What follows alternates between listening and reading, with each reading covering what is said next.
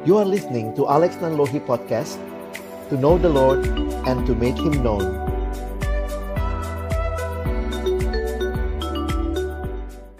Kami datang dalam ucapan syukur kepadamu ya Tuhan Terima kasih kalau hari ini di hari perhentian yang kau berikan kepada kami kami boleh datang bersama-sama bersekutu memuji, memuliakan namamu dan tiba waktunya bagi kami untuk membuka firman-Mu ya Tuhan. Karena itu kami mohon ketika kami akan membuka firman-Mu, bukalah juga hati kami.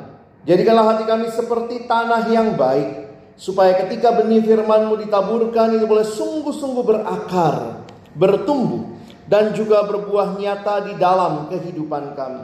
Berkati baik hambamu yang menyampaikan semua kami yang mendengar. Tuhan tolonglah kami. Agar kami bukan hanya menjadi pendengar-pendengar firman yang setia. Tetapi mampukan dengan kuasa pertolongan dari rohmu yang kudus. Kami dimampukan menjadi pelaku-pelaku firmanmu. Di dalam kehidupan kami. Di dalam keseharian kami. Bersabdalah ya Tuhan kami umatmu sedia mendengarnya.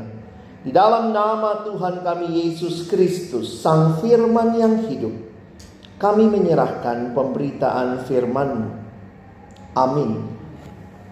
Shalom. Selamat pagi, selamat hari Minggu Bapak Ibu Saudara yang dikasihi dalam Tuhan Yesus Kristus. Pertama-tama kita bersyukur kesempatan ibadah bukan sebuah rutinitas, tetapi adalah sebuah anugerah yang Tuhan berikan bagi setiap kita untuk boleh datang beribadah kepadanya. Tema kita pada hari ini yaitu orang Kristen dan buah Injil. Bapak Ibu Saudara, saya ingin mulai dengan sebuah kutipan yang setiap kali saya baca terus mengingatkan saya tentang apa artinya menjadi orang Kristen. Christianity isn't just a religion, it's a relationship with God through Jesus Christ. Kekristenan bukan sekadar beragama. Kita datang, ibadah, ada ritual. Tetapi kekristenan pada hakikatnya adalah relasi dengan Allah di dalam dan melalui Yesus Kristus. Dan ini menjadi hal penting untuk kita ingat Hari ini kita bicara orang Kristen. Seperti apa sih orang Kristen? Orang yang berelasi dengan Allah. Orang yang mengenal siapa Allah di dalam Kristus Yesus. Yang memperkenalkan Allah kepada kita. Karena itu saudara menarik sekali kalau kita melihat bacaan kita pada hari ini. Surat Kolose. Kolose pasal yang pertama. Kita akan membaca ayat yang pertama sampai dengan ayat yang ke-8.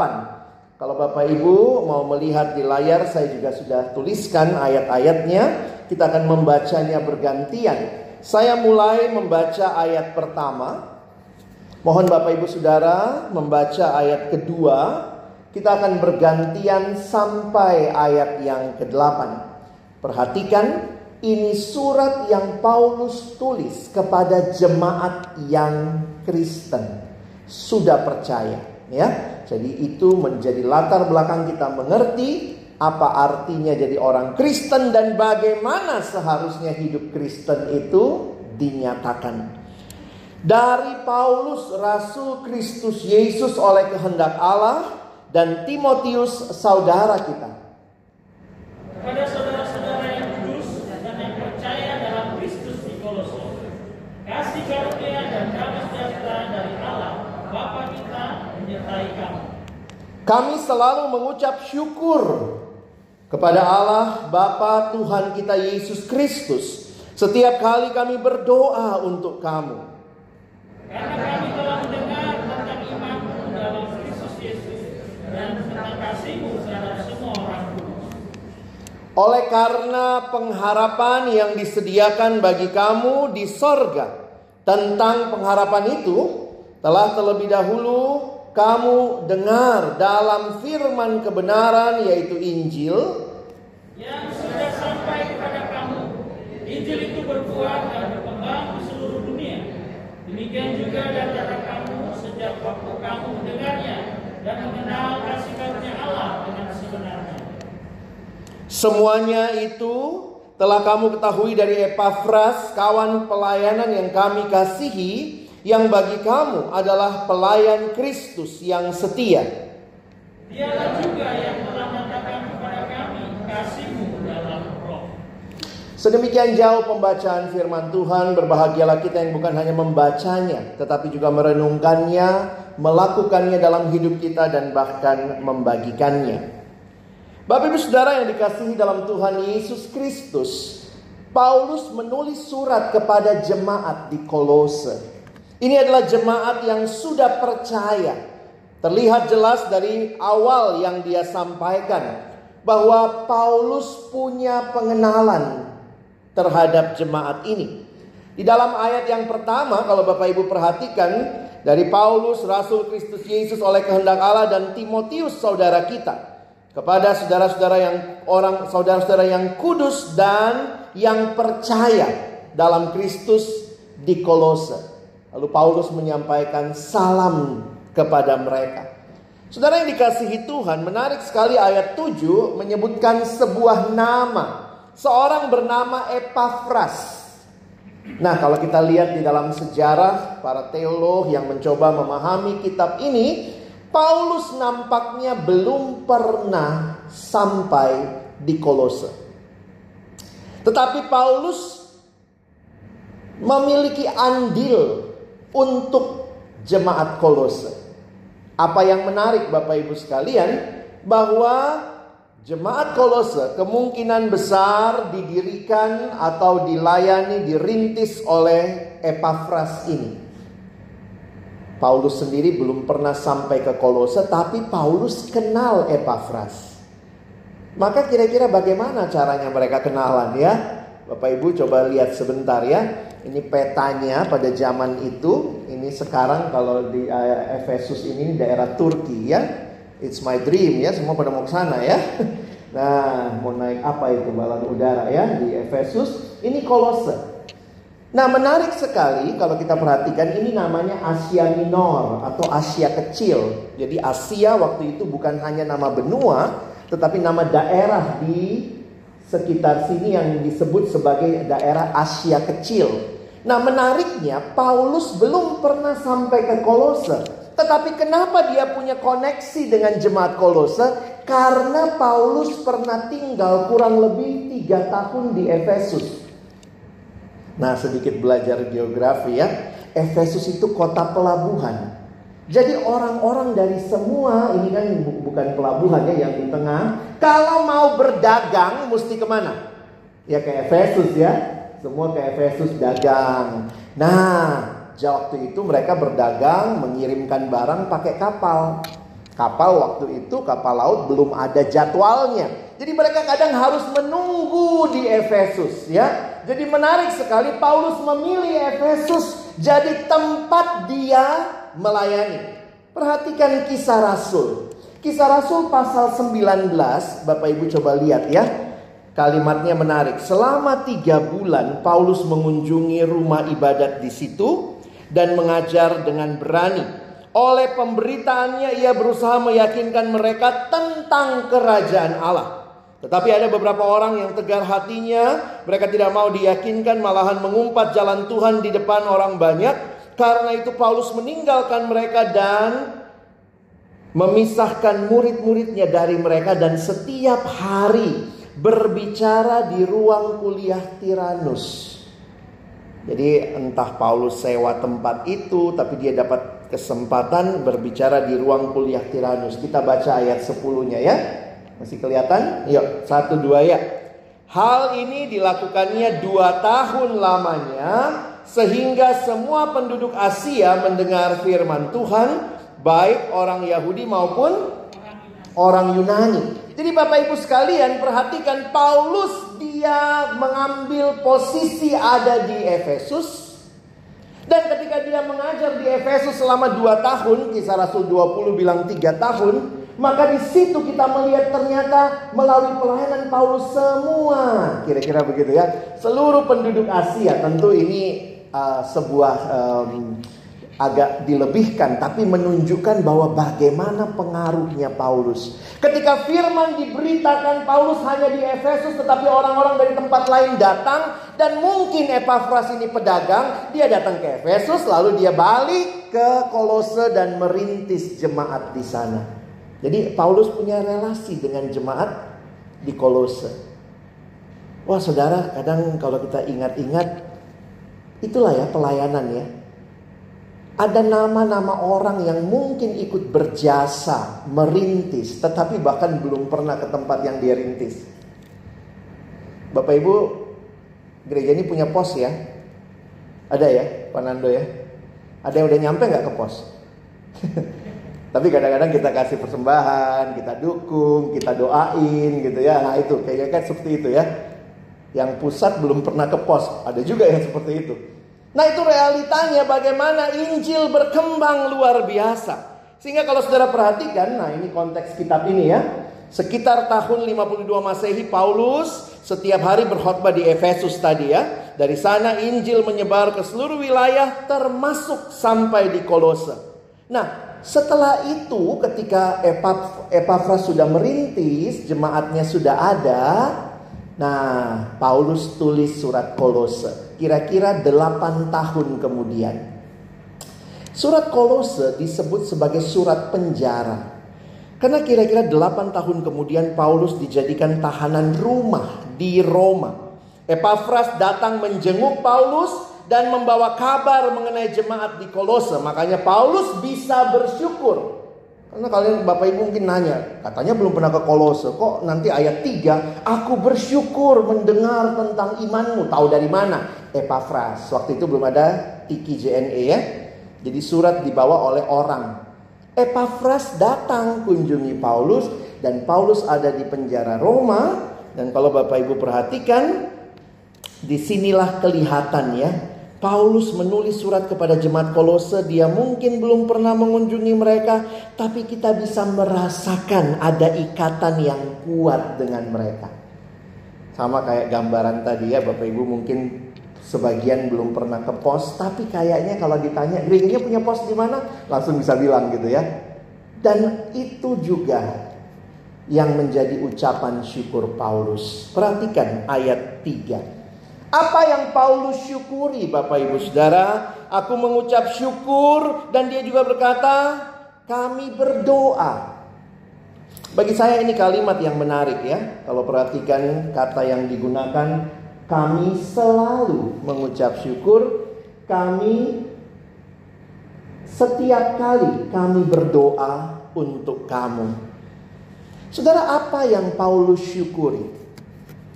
Apa yang terjadi di dalam jemaat itu menandakan sebuah kedewasaan yang terjadi. Bapak Ibu dalam surat-surat Paulus ini biasa disebut sebagai triloginya Paulus ya. Iman, kasih, dan pengharapan. Nah, itulah buah Injil.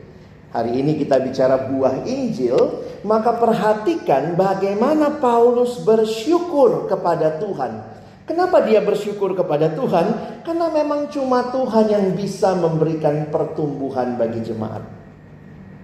Pertumbuhan bagi jemaat hanyalah datang karena kasih karunia Tuhan. Karena itulah Paulus mengucap syukur kepada Allah ketika mendengar. Saya coba bayangkan ya, Paulus belum pernah ke Kolose, tapi dia dengar.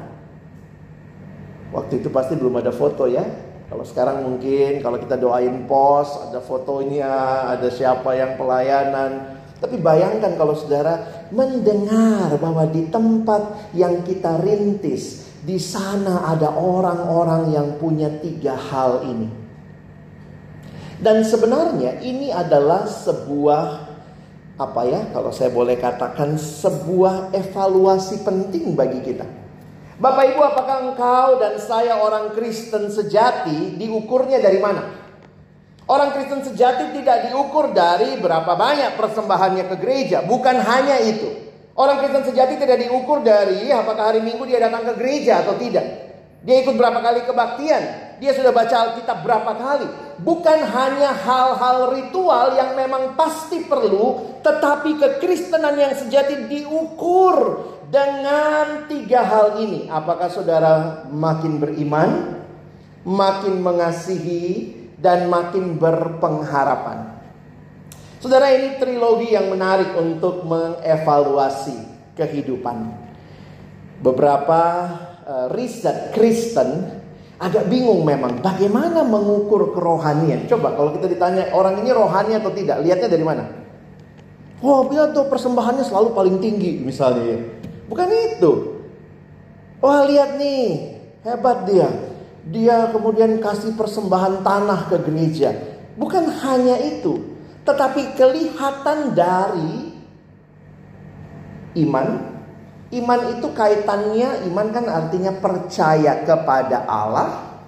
Yang kedua, kasih. Kasih itu aspek horizontal kepada sesama. Dan pengharapan adalah sebuah keyakinan bahwa apa yang Tuhan janjikan pasti akan terjadi. Dan inilah yang memberikan kepada kita sebuah daftar evaluasi. Kalau Bapak Ibu mau ukur-ukur saya itu sudah beriman nggak ya? Nah coba lihat di situ ya. Oke, beriman sama Tuhan, yes. Tapi jangan-jangan ada juga iman sama yang lain. Saya ketemu beberapa anak muda. Saya ini banyak melayani ke orang muda, saudara ya. Wah, ngomongnya Tuhan, Tuhan, Tuhan. Tapi waktu ketemu dia nanya gini sama saya. Kak Alex, yo apa? Hah? Sio. Oh, Oke okay lah ya kan saya bilang oh saya Sio apa gitu ya. Saya Sio kebo gitu. Tiba-tiba dia langsung bilang oh kita ciong ya kak. Hah? Lu belum ngomong sama gua, belum ngapa-ngapain tapi percayanya seperti itu. Apa yang kita percaya sering kali menyandakan apakah betul Tuhan segalanya. Orang Kristen hari Minggu ke gereja, hari lain sakit ke dukun. Orang pintar bukan pintar matematika, tetapi pintar dengan semua hal yang bukan dari Tuhan. Saudara, iman itu bicara hanya Tuhan. Ketika kita bicara reformasi, semboyan reformasi sola fide, hanya iman kepada Kristus, tidak ada yang lain. Jangan sampai iman kita ditentukan dari hal-hal lain yang bukan dari firman Tuhan. Seringkali orang bicara tentang bintang ya, zodiak. Saya juga saya anak remaja banyak begitu ya. Tahu-tahu waktu ketemu nanya zodiaknya apa gitu. Oh, hati-hati lu jangan deket-deket sama Pisces. Dia ikan, nanti lu basah begitu Saudara ya. Hidup kok ditentukan oleh hal-hal seperti itu. Hidup ditentukan oleh firman Tuhan. Itu bicara iman. Kasih. Kasih itu nyata sebenarnya di dalam apa? Di dalam kasih kepada sesama. Saudara bayangkan Paulus mengucap syukur karena jemaat kolose jemaat yang imannya baik, kasihnya baik. Wah ini bagi saya menarik ya. Kalau kita mau ukur jemaat kita, apakah setiap kali kita berdoa, kita bersyukur, Aku bersyukur dan aku berdoa. Kami dengar kabar tentang imanmu dalam Kristus Yesus. Kasihmu terhadap semua orang kudus. Oleh karena pengharapan yang disediakan bagi kamu di sorga. Pengharapan itu unik Bapak Ibu ya. Karena pengharapan itu belum terjadi. Ya, tetapi punya efek dari sekarang. Nah, coba lihat apa hubungannya ya. Ternyata di dalam kitab ini Bapak Ibu bisa lihat hubungan antara mengapa jemaat Kolose hidup dengan penuh iman dan kasih. Beriman percaya Yesus, kasih mengasihi sesama. Kenapa mereka seperti itu? Ternyata kalau Bapak Ibu baca ayatnya karena pengharapan. Coba lihat lagi ayatnya ya.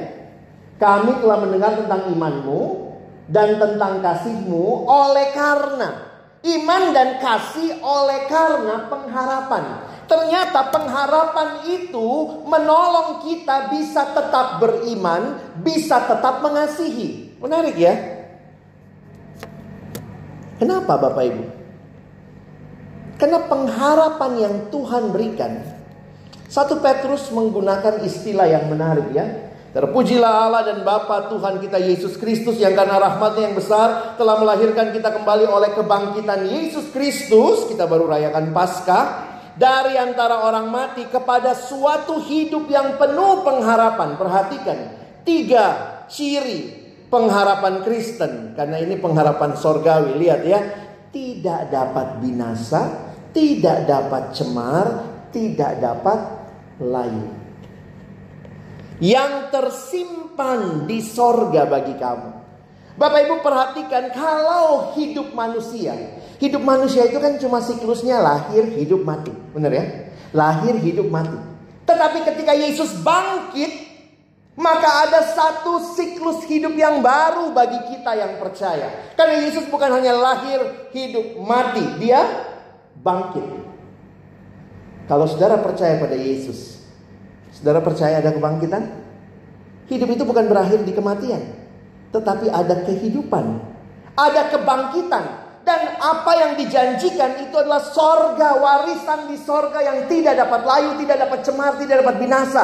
Betul, kadang-kadang kita lihat ada yang meninggal karena sakit penyakit. Begitu sedih hidupnya. Tetapi kalau saudara punya pengharapan, saudara bisa tetap percaya bahwa dia yang mati di dalam Tuhan sudah bersama Tuhan dan kita nanti akan berkumpul bersama dengan mereka. Kadang-kadang dunia ini kayaknya sudah nggak ada pengharapan ya. Kenapa Yesus yang bangkit memberi pengharapan? Karena jalan terakhir yang dunia kenal cuma kematian. Tapi Yesus membawa kita kepada kehidupan. Makanya kita bisa nyanyi. Sebab dia hidup ada hari esok. Bapak Ibu ingat pengharapan itu penting. Lihat kalimat ini ya. Saya kutip dari seorang penafsir Alkitab namanya Mike Writer. Dia katakan kita juga memiliki pengharapan ini. Langit baru dan bumi baru yang akan segera kita tempati. Karena kita mengetahui bahwa kita akan menerima warisan yang sangat luar biasa pada masa mendatang. Lihat ya, pengharapan itu masa mendatang. Tapi, nah ini menarik maka kita dikuatkan untuk tetap mempercayai Allah, itu iman, tetap percaya dan mengasihi sesama di masa sekarang. Itu uniknya pengharapan Kristen. Karena pengharapan itu nanti tapi sudah berasa sejak sekarang. Saya kasih contoh. Bapak Ibu kalau punya anak lalu kemudian anaknya dijanjiin ya nanti kalau kamu belajar bagus-bagus baik-baik belajar nilainya bagus naik kelas kita jalan-jalan ke mana? Ke Singapura aja ya karena ada yang nggak boleh ke sana kita boleh ya. Oke wah kamu akan boleh jalan-jalan papa mama ajak ke Singapura. Kapan itu? Kalau nanti naik kelas. Naik kelasnya masih nanti tetapi sudah berasa sekarang. Lagi malas-malas bikin ujian. Aduh, malas banget nih ujian ini. Tiba-tiba ingat lagi apa? Singapura. Bangkit lagi. Aduh, gurunya nggak enak banget nih. Oh, mau matiin HP aja lah. Kadang-kadang kan anak-anak online sekarang ya. Aduh, capek nih belajar. Tapi kemudian ingat lagi. Singapura. Singapura memberikan pengharapan. Belum ke Singapura. Tapi sekarang dia jadi rajin belajar dia jadi lebih tangguh. Inilah yang dikatakan oleh Paulus. Imanmu dan kasihmu kamu bisa terus lakukan di dalam dunia ini karena ada pengharapan yang pasti kamu akan bersama Tuhan. Sehingga Bapak Ibu Saudara sekalian, ini jemaat yang bertumbuh. Imannya baik, kasihnya baik, dan pengharapannya jelas sehingga menolong bukan hanya hidup nanti, tapi hidup masa kini. Indah ya. Iman biasanya orang bilangnya iman, pengharapan dan kasih ya. Kalau urutannya kalau seiman, kasih karena pengharapan. Saya juga baru nemu waktu baca, wow indah sekali ya. Pengharapan itu memastikan kita tetap bisa beriman dan kita tetap bisa mengasihi. Kadang-kadang malas juga ya mengasihi orang yang nggak balas kasih kita. Pernah nggak begitu? Ini orang nggak tahu diuntung saya mengasihi terus dia nggak balas kasih kita. Terus kita give up, berhenti. Oh, pengharapan itu menolong kita. Meskipun dia tidak balas kasihmu, tapi Tuhan akan balas.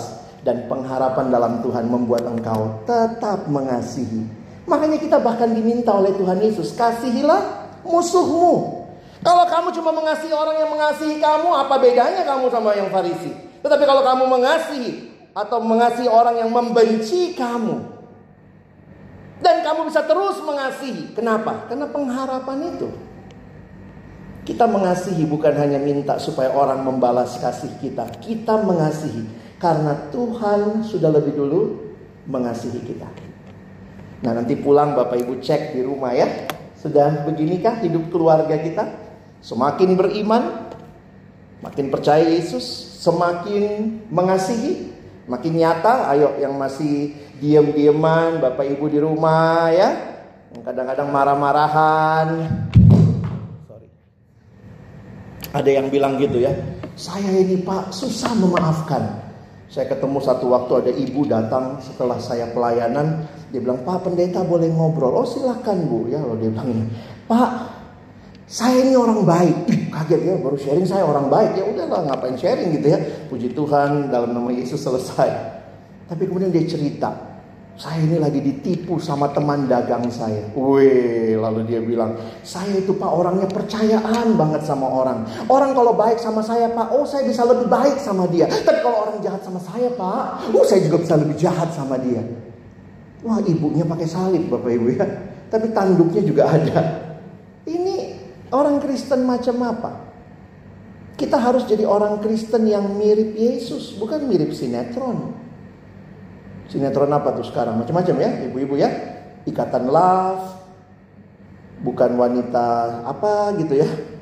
Kadang-kadang kalau kita lihat cuma isinya balas dendam, balas dendam. Imannya juga, saya kalau lihat anak-anak remaja sekarang nonton Korea juga ya, Jangan heran juga ya, mereka punya sistem agama yang beda. Korea banyak banget filmnya setan inilah, setan itulah, jumandeng lah, apalah gitu ya.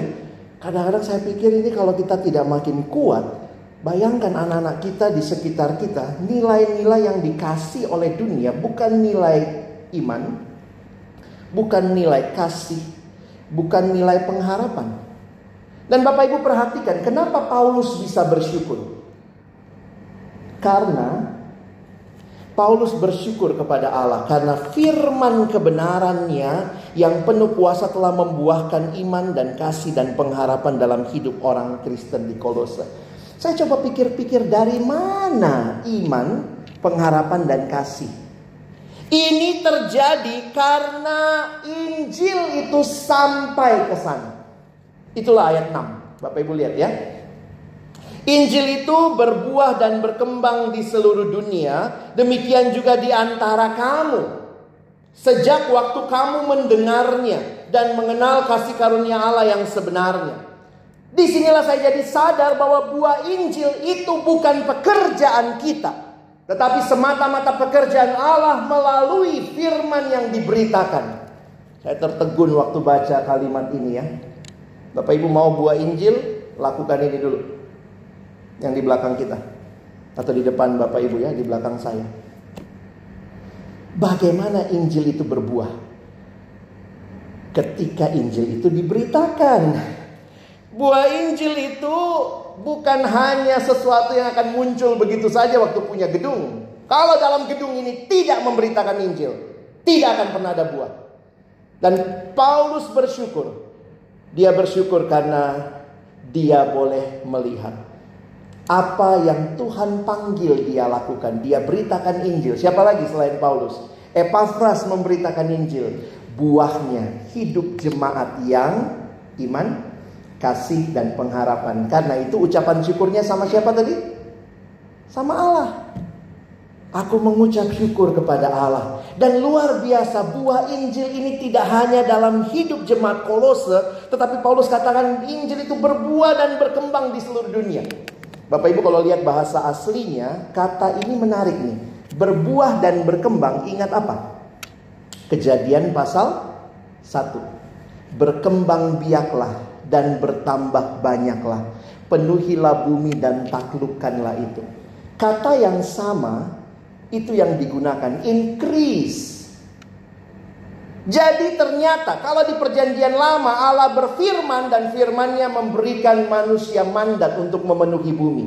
Di perjanjian baru kata yang sama menunjukkan Injil harus diberitakan supaya terjadi perkembangan. Semoga ini bukan cuma slogan gereja ya. Tapi jadi sebuah kehidupan dari jemaat yang mau melihat iman, pengharapan, dan kasih. Saya simpulkan Bapak Ibu. Jadi pada dasarnya iman, kasih dan pengharapan bertumbuh dalam hati orang-orang melalui firman kebenaran dari Allah. Oleh karena itu, seperti Paulus, demikian juga seperti Epaphras, kita harus memberitakan Injil. Karena itulah kunci buah Injil ada. Orang Kristen hadir karena Allah beranugerah. Allah menyampaikan firman, kita bertobat, terima Yesus, dan kemudian buah Injil nyata lewat hidup kita. Tiga hal ini jadi perenungan kita pagi ini ya. Ada kutipan bilangnya begini. Faith makes all things possible. Love make all things easy. And hope makes all things work. Mari Bapak Ibu Saudara yang dikasihi Tuhan, kita jadi jemaat-jemaat yang menyatakan buah Injil itu. Karena saudara sudah dengar kebenaran ya. Tapi jangan berhenti di dalam gedung ini. Hadirlah di dalam dunia. Kadang-kadang saya pikir gini ya. Kenapa Tuhan titip tiga hal ini sama kita? Iman, pengharapan, kasih. Kita ada dalam dunia yang tidak beriman. Kita ada dalam dunia yang tidak punya kasih atau kalau Alkitab bilang kasih banyak orang makin dingin. Kita ada dalam dunia yang tidak punya pengharapan. Kadang-kadang kalau nonton drama Korea tuh ya anak remaja apa-apa bunuh diri, apa dikit bunuh diri. Gila hidup gampang banget gitu ya. Kecewa sedikit bunuh diri. Kalau nggak bunuh diri ya bunuh orang lain gitu ya. Ngeri banget hidup. No hope. Kenapa Tuhan titipkan tiga hal yang dunia tidak miliki atau dunia makin pudar Tuhan titip kepada gereja. Bukan supaya saudara dan saya senang, asik. Gereja kami buah Injilnya kelihatan. Ada jemaat yang beriman, ada jemaat yang mengasihi, ada jemaat yang berpengharapan. Tetapi supaya engkau dan saya hadir dalam dunia. Beritakan Injil itu juga. Nyatakan iman, pengharapan dan kasih dan itu terjadi di mana Bapak Ibu? Di tempat di mana kita hadir. Sudahkah kita hadir menjadi berbeda? Hidup beda dengan dunia. Bapak Ibu kalau ingat ikan ya, ada prinsip hidup ikan, menarik ya. Ikan yang hidup katanya selama hidupnya akan berenang melawan arus. Cuma ikan mati yang ikut arus. Nah kita nih ikan yang mana ya? Bapak Ibu dititipkan Tuhan Ketika engkau jadi jemaat yang buah Injilmu nyata, ingat di luar sana mereka membutuhkan Tuhan. Kalimat ini biarlah tidak hanya jadi slogan, tetapi benar-benar jadi kehidupan bagi gereja Tuhan di tempat ini. Kalau saudara, anak-anak, kalian belajar di sekolah, cara belajarmu harus menunjukkan kamu berbeda. Kamu anak-anak yang belajar dengan iman, dengan kasih dan dengan pengharapan. Jangan ngeluh, dikit-dikit ngeluh, dikit-dikit main game, tinggalin tugas, kenapa capek, susah. You have hope. Mari belajar punya ketekunan ya sejak masa kecil. Belajar untuk selesaikan sampai akhir. Memang sulit. Ini generasi yang cepat bosen ya. Boleh selingan dikit bentar nonton YouTube main game tapi ya jangan kelamaan di situ nggak balik lagi ngerjain tugasnya ya. Bapak Ibu yang bekerja, bagaimana di pekerjaan kita? Cara kita bergaul, cara kita bekerja, apakah sudah menunjukkan kita orang-orang yang menyatakan buah Injil itu? Seringkali di pekerjaan ada yang akhirnya sharing gitu ya. Saya lihat kamu kok selalu ceria ya. Padahal bosnya tetap aja sama nggak berubah ya. Ada pengharapan. Wah, gue juga sebel sih sama bos itu, tapi karena gue punya pengharapan, gue doain dia. Dalam kekristenan kita diajar untuk berdoa, musuh aja didoain. Kata Yesus, berdoalah untuk musuhmu. Cuman bos galak ya udah doain aja lah, ya. Sehingga jadi sesuatu yang kita nikmati dengan kerinduan Tuhan, kiranya dia mengenal engkau.